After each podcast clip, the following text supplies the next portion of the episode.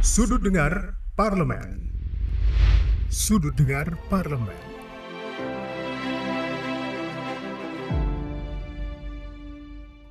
Halo, apa kabar? Kembali lagi di Sudut Dengar Parlemen bareng Nadia Kanaya. Kita sudah ada di episode yang baru, episode yang mau membahas soal yang lagi rame, selalu yang lagi rame. Yang rame apa nih? Yang lagi rame nih soal 105 juta rupiah per jamaah apa ya itu wacana yang sudah disampaikan oleh Kementerian Agama untuk biaya pemberangkatan haji di 2024 mendatang. Tapi itu masih wacana. Jadi adem-adem dulu, jangan langsung digas kenceng-kenceng. Kita cari informasi kebenarannya seperti apa. Nah, untuk mendapatkan informasi yang tepat pendengar radio Republik Indonesia RRI, kemudian TV dan radio parlemen bisa kumpul di SDP kita sudah kedatangan Bapak Asabul Kafi selaku Ketua Komisi 8 DPR RI dari fraksi Ya, PAN. Pan. Assalamualaikum, selamat pagi Bapak. Waalaikumsalam. Selamat pagi. sehat? Alhamdulillah. Alhamdulillah. Pastilah udah sampai di sini Pasti sehat dan semangat Mm-mm. Selamat semangat Masih pagi lah. Banyak sekali nih eh, eh, apa aktivitas kegiatan dan rapat-rapat yang dilakukan sama Komisi 8. Iya, Kemarin betul. ada dengan eh, Garuda. Garuda. Terus dari Kementerian Agama juga Garuda sudah disampaikan. ya. Sebelum membahas yang lagi rame 105 eh, juta rupiah ini, saya mau membahas yang sebelumnya. Mm-mm. Evaluasi dari haji yang sebelumnya. Mm-mm. Katanya eh, sudah maksimal tetap masih ada kendala. Iya, Dari mulai ternyata kemarin banyak menelan korban. iya, iya. Tenaga kesehatannya kurang maksimal. Betul. Gimana Pak boleh diceritakan Pak untuk kondisi? Iya, jadi sebenarnya sih secara umum ya, Mm-mm. eh, penyelenggaraan haji tahun 2023 kemarin Mm-mm. itu menurut eh, pandangan kami setelah melakukan pengawasan sejak dari pemberangkatan kemudian sampai pada pelaksanaan ibadah haji secara umum kami menilai sudah cukup baik ya sudah cukup baik Mm-mm. tapi memang ada beberapa eh, poin Mm-mm. yang memang menjadi catatan kami untuk dilakukan perbaikan Mm. pada musim haji tahun ini ya, tahun Iya, depan lah gitu, 2024 itu ya. Nah, contoh oh, pelayanan di bandara itu kan. Eh, kami minta agar nanti Kementerian Haji Arab Saudi Mm-mm.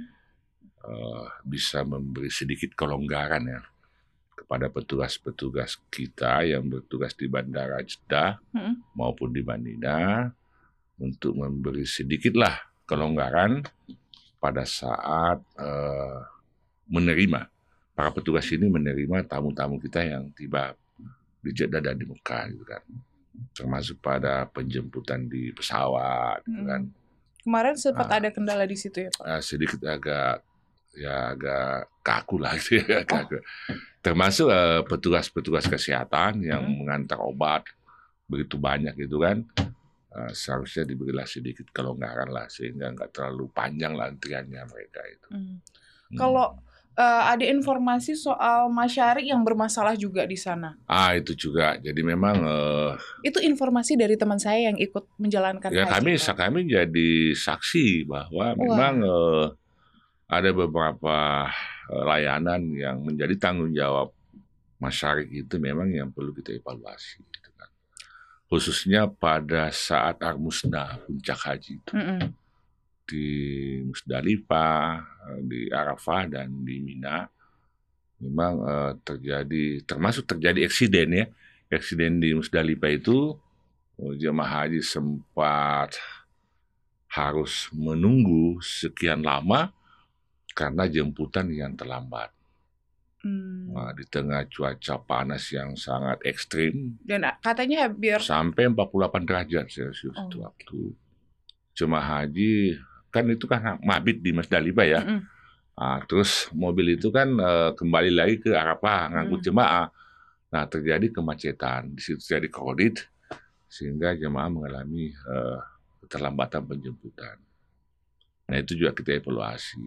Bagaimana soal ini Pak, Eh, pendamping untuk lansia? Oh ya, jadi sebenarnya memang haji tahun 2023 kemarin itu kan pendamping ditiadakan. Itu ditiadakan Sebenarnya atau pembatasan? enggak, memang ditiadakan. Peniadaan pendamping sebenarnya tujuannya juga kan untuk menegakkan keadilan bagi para calon jemaah. Hmm. Jangan karena alasan pendampingan Hmm. sehingga mereka berangkat tanpa harus melalui proses antrian. Oh, jadi Sementara banyak banyak bukan ribuan, ratusan ribu calon jamaah haji juga yang sudah antri sampai 10 tahun, 15 tahun gitu Iya, kan. iya. Nah, itu pertimbangannya kemarin gitu kan. Jadi untuk memberi keadilan bagi para calon jemaah. Jangan hanya karena alasan mau menjadi pendamping terus tidak antri. Nah, itu kan. Tapi kemarin justru akhirnya malah jadi chaos gitu loh Pak, karena melihat ternyata Ah. tidak cukup mandiri lansianya. Ah, untuk- makanya eh, sebenarnya sih kalau kita mau kembali ke Permenkes ya, Hmm. nomor 15 tahun 2016, di situ kan sudah jelas pengaturannya bahwa eh, calon jamaah haji yang dapat berangkat itu adalah mereka-mereka yang memang eh, sehat secara fisik maupun rohani gitu kan.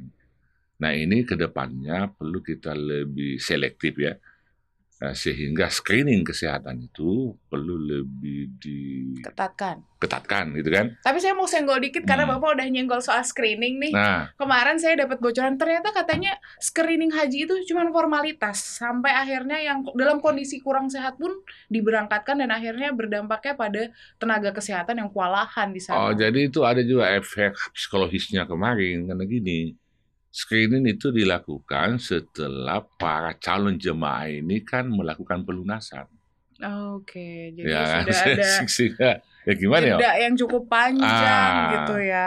Jadi eh, ke depan ini hasil muzakarah haji di Jogja bulan kemarin Mm-mm, itu salah satu keputusannya ialah merekomendasikan mm-mm. agar para calon jemaah haji itu sebelum melakukan pelunasan dia harus mendapatkan dulu rekomendasi sehat dari rumah sakit atau pasankes yang ditunjuk.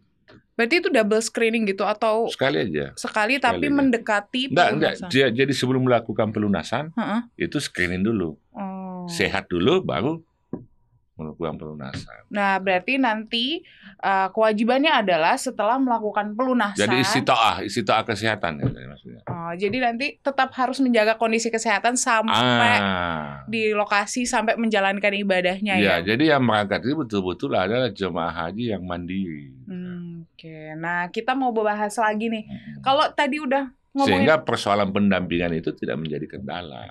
oke, jadi Termasuk mengantisipasi iya, eh, mungkin akan berkurangnya petugas di bidang kesehatan Heeh.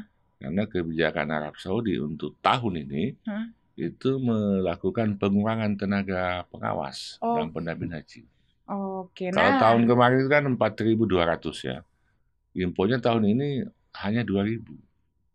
oh 4.200 sekarang jadi 2.000. 2.000 itu. Nah, kita Tapi ini kan eh, Kementerian Agama masih melakukan negosiasi. Tapi kalau menurut Bapak dengan jumlah yang 2000 ini sebenarnya Indonesia siap nggak sih Pak untuk memberangkatkan ya siap nggak siap ya kita harus eh, jalankan? jalankan tentu dengan berbagai opsi ya. Mm. Nah antara lain untuk eh, mengurangi beban petugas ini, Mm-mm. kamu kan hanya petugas kesehatan, termasuk pembimbing ibadah itu kan. Maka istitoah kesehatan itu betul-betul kita harus ketatkan. Gitu kan. Artinya kalau Sehingga dalam yang berangkat itu mereka adalah orang-orang yang mandiri. Gitu kan. kalau dalam kondisi yang belum sehat dia akan Ya berobat dulu lah, sehat dulu lah baru berangkat itu kan. dan itu tidak merubah antrian dia kan Pak untuk enggak, selanjutnya. enggak. Ya Hmm. kalau tahun ini umpamanya dia belum bisa karena sama sekali nggak bisa berangkat. Hmm. Ya tanpa pendamping ya tahun depan aja kan bisa gitu kan.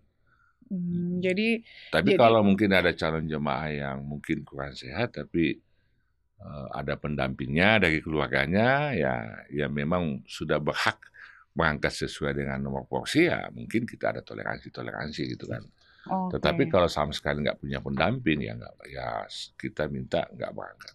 Oh, berarti itu opsinya adalah Nah. kalau memang ada pendamping Kalau dan memang pendamping udah dari berhak, keluarga ya yang Ah. memang sudah sudah waktunya, waktunya berangkat. berangkat ya mungkin ada toleransi gitu kan. Dengan penambahan 20 ribu, Mm-mm. gimana Pak? Nanti skema yang akan dilakukan? Jadi penambahan 20 ribu itu kan nanti pada akhirnya kita akan bagi secara proporsional ya Mm-mm. ke seluruh wilayah yang ada di Indonesia itu kan. Hmm. Dan itu sudah, jadi kita sudah dapatkan datanya eh, dari 20 ribu itu kan 8% di antaranya jemaah haji khusus gitu kan. Hmm. Nah, jadi sisanya itu yang kita bagi ke kabupaten-kabupaten eh, sesuai dengan eh, jumlah calon jemaah hajinya yang antriannya, Paling. kemudian kemudian paling banyak antriannya ya, Mm. kemudian yang paling banyak calon jemaah haji pendaftarannya. Gitu kan. Itu yang yang menjadi prioritas, Prioritas, di ya. tambahan Ya, 20 ribu Iya, itu ya. 20.000. Yang paling banyak itu kalau Indonesia ini kan yang paling banyak ini kan Jawa Barat sama Jawa Timur dan Sulawesi Selatan. gitu kan. Jawa Barat, Jawa Timur, sama Sulawesi Sul- Selatan. gitu. Nah, dengan penambahan kuota haji, ini kan sebenarnya masyarakat eh, jadi antusiasnya lebih tinggi ini kayak Iya. "Ah, bisa kali ya nanti aku Iya. dipercepat gitu Betul. karena penambahan ini. Tapi di sisi lain kemarin masyarakat kembali terguncang dengan adanya wacana 105 juta, Juta, rupiah per jamaah. Ya, jadi kalau Gimana? haji tahun 2023 kemarin, Mm-mm. usulan awal Kementerian Agama itu kan 98 juta. Ya, Kemudian setelah kita melakukan pembahasan, pendalian, yang cukup alot dan cukup lama ya, alot Pak. dan lama itu kita temukan angka 90 Dua. Enggak, 90 50 ribu rupiah. Oh iya, 90. 90 juta 50 ribu rupiah. Itu biaya BPIH-nya, Mm-mm. biaya penyelenggaraan ibadah hajinya. Nah, tapi kan eh, dari 90 juta 50 ribu itu eh, 55 persen Mm-mm. itulah yang menjadi eh, tanggungan kewajiban jemaah yang harus dia bayarkan. Mm. Yang namanya BP. Ya. Nah, BP jadi nggak semua juga 90 juta 50 ribu itu dia bayar. Jadi 55 persen itu menjadi tanggungan jamaah, yang 45 persen itu dibayarkan dari nilai manfaat dari dana kelolaan eh, calon jamaah haji yang dikelola oleh BPKH. BPKH. BPKH. iya. Nah sama tahun ini. Tahun ini kan Kementerian Agama mengusulkan angka 105. Mm-mm. Nah, itu kan baru usulan. Kami lagi melakukan pembahasan, pendalaman di komisi bersama dengan pihak terkait, termasuk dengan Dirjen PHU, dengan jajarannya, dengan Garuda, dengan Perhubungan, dengan Kementerian Kesehatan. Eh, pada prinsipnya kami di Komisi 8 akan mengusulkan angka yang lebih rasional dan terjangkau. Terjangkau dan tetap menjaga sustainabilitas, ya kan? keberlangsungan eh, nilai-nilai manfaat bagi calon jemaah haji yang akan berangkat pada tahun-tahun berikutnya.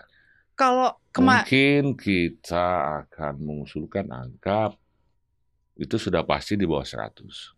Sudah pasti di bawah Di bawah 100 berarti 100, ini ya. jadi masih tenang nanti Ah, tenang ditunggu lah, dulu. tenang lah. Kami di DBR ini berjuang terus tuh. Di Siapa tahu- angka di bawah 100 itu Di angka di bawah 100 Di bawah untuk 100. ininya eh, BP BPH-nya. BPH-nya. Ah, BPH-nya mungkin di angka 90. Gak usah saya bocorin dulu lah, pokoknya di bawah 100 Eh lah. takutnya nanti menjadi harapan yang Ah, mungkin ya nggak apa-apa kan kalau pembahasan kami ini kan karena kita rencana sebenarnya sih dalam waktu dekat ini kita sudah putusin. Hmm, Nah, sehingga kalau kita putusin lebih cepat, lebih awal, itu akan memberi kesempatan kepada para calon jemaah untuk untuk mempersiapkan. mempersiapkan dalam melakukan pelunasan. Nah, untuk yang kemarin nih Pak dari dana manfaat kan tadinya cukup eh, tanggungannya cukup besar. Besar, besar. Nah, kemudian sampai akhirnya ketemu di angka 49. Sembilan. Ya nanti Itu untuk skema 5545 kemarin. Itu. 55 itu dari masyarakat, dari ya. jamaah, 45 dari BPKH. BPKH. Nilai manfaat. Nah, BPKH. nanti apakah ini akan tetap dipergunakan? Mungkin ya tetap.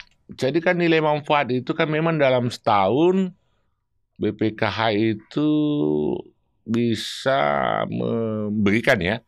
Nilai manfaat kurang lebih sekitar 8 triliun per tahun. Gitu. kan. Mm-mm. 8 tahun, 8 triliun. Ya semoga eh, kita berdoanya nilai karena Jadi- acuannya nilai tukar rupiah ya. Ya juga, eh, jadi gini, BPIH itu juga sangat tergantung sebenarnya dari nilai tukar rupiah kita Mm-mm. yang eh, setiap tahun mengalami perubahan. Jadi memang eh, kenaikan itu eh, itu sulit juga kita hindari, gitu kan.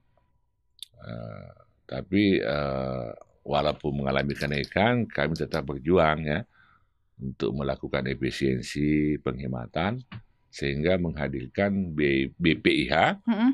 yang eh, mudah dijangkau oleh masyarakat. gitu kan. Nah, untuk pembahasan lebih lanjutnya apakah nantinya ke depannya nih akan tetap di skema 4 5 Kita menawarkan karena kita kan gini ya, prinsipnya kan gini ya, kita ingin menghadirkan BPIH yang tidak terlalu memberatkan jemaah Heeh. yang mau berangkat tahun ini, Heeh. tapi di satu sisi juga keberlanjutan nilai manfaat ini tetap bisa terpelihara sehingga calon jemaah haji yang berangkat tahun-tahun depannya juga akan tetap mendapatkan nilai manfaat.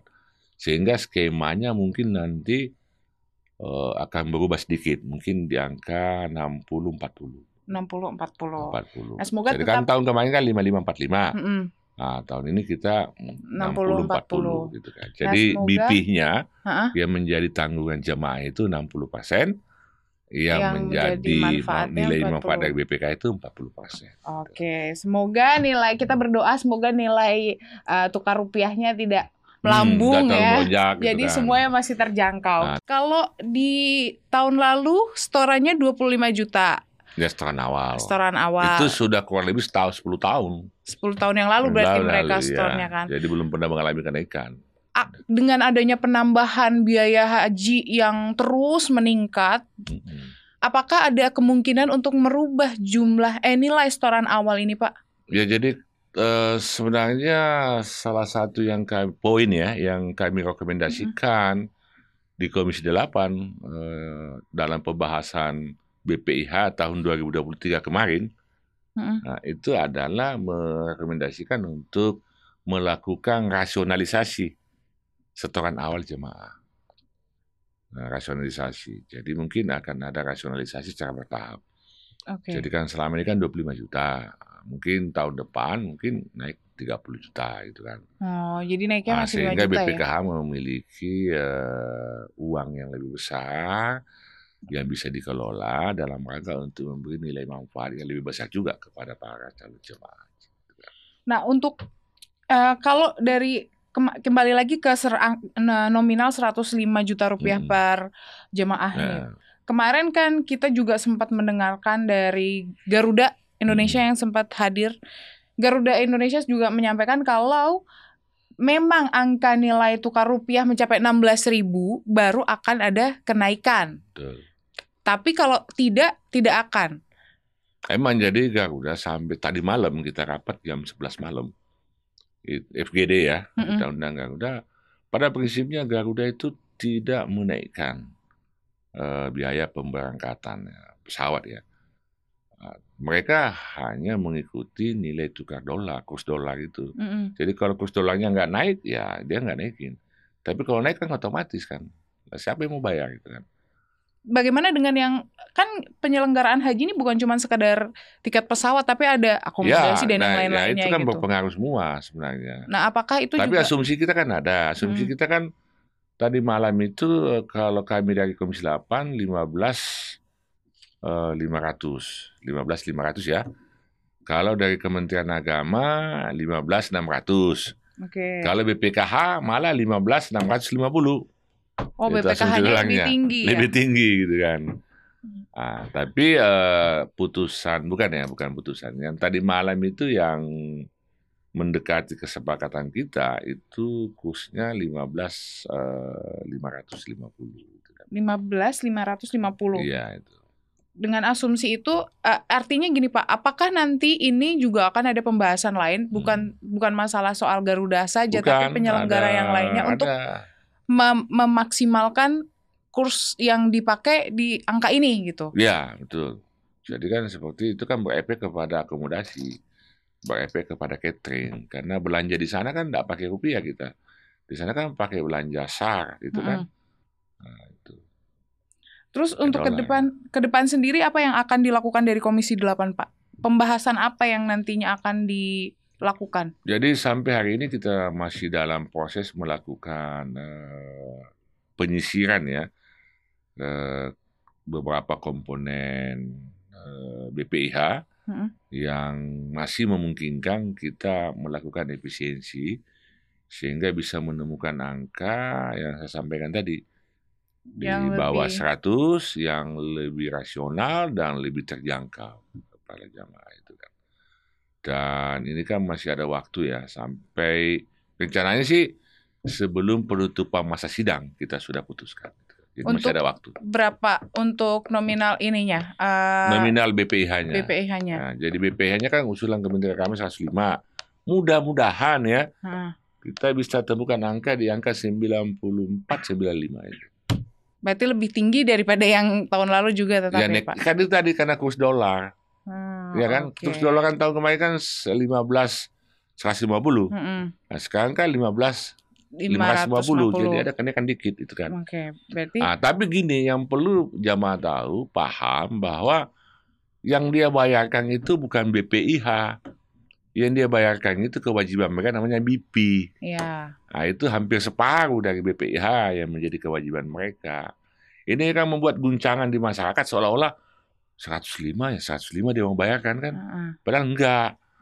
bukan Katakanlah, itu. nah, katakanlah nanti kita sepakati di angka 94 atau 95 atau 93 gitu kan. Hmm. Yang dia bayarkan jemaah itu 60% dari BPIH gitu kan.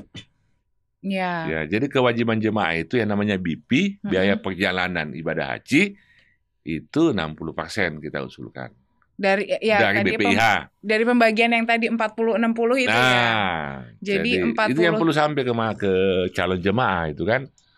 Jadi sebenarnya eh, ki- Jadi katakanlah nanti kita putusin angka 95 atau 94. ya Lah, Berarti kewajiban 60% jemaah itu 60% dari, dari 94. Jadi sekitar 57 apa 57 setengah ya. dan itu masih dipotong dari setoran utama iya. ya kan Pak. Ah, betul, betul. Jadi tidak ya kita Dipotong masih 25 juta kan. Jadi 57 potong 25 juta, berarti Ah. tinggal 20 apa ya?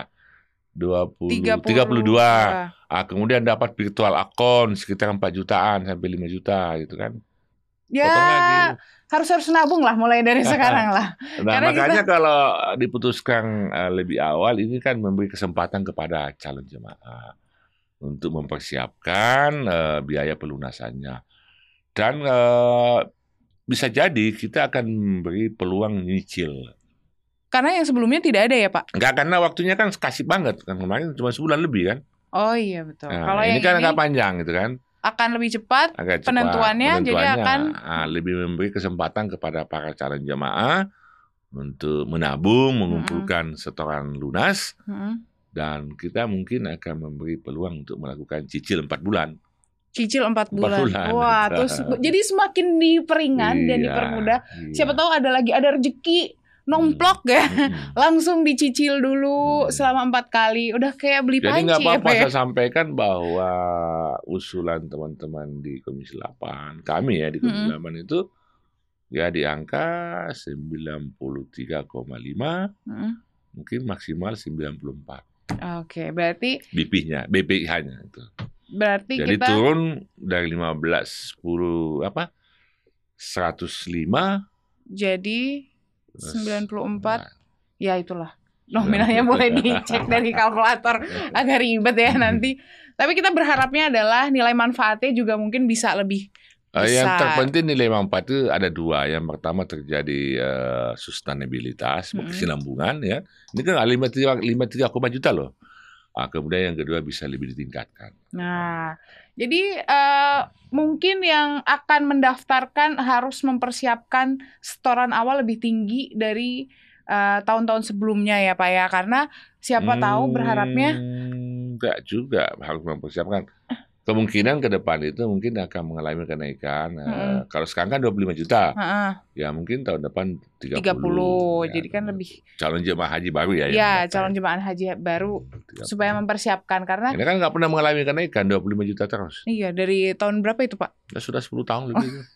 Jadi kita berharapnya Hmm. kita mendapatkan dana manfaat untuk membantu penyelenggaraan Ah. hajinya jauh lebih besar. Jadi kita dorong gitu. BPIK, BPKH, BPKH. untuk eh, berinovasi ya, melakukan investasi sehingga eh, bisa mendapatkan nilai manfaat yang lebih besar. gitu kan. Mm-mm. Contoh katakanlah BPKH berinvestasi eh, nyewa hotel jangka panjang. Hmm. Nah, sekarang kan enggak. Kita kan eh, nanti musim haji aja baru eh, Langsung mencari hotel. hotel. Kalau Malaysia itu memang dia nyewa sampai 20 tahun. Oh, berarti sudah Nah, jadi setelah musim haji, hotel itu di dimanfaatkan lagi untuk umroh gitu kan. Oke. Nah, kan. itu nanti kita bikin sesi selanjutnya Ah, nanti aja memperdalam karena ternyata Hmm. waktunya sudah habis, Bapak. Betul, betul, betul, betul, betul. Terima kasih Oke, oke, oke. sudah Mudah-mudahan informasi ini bisa menenangkan ya. menenangkan para calon jemaah.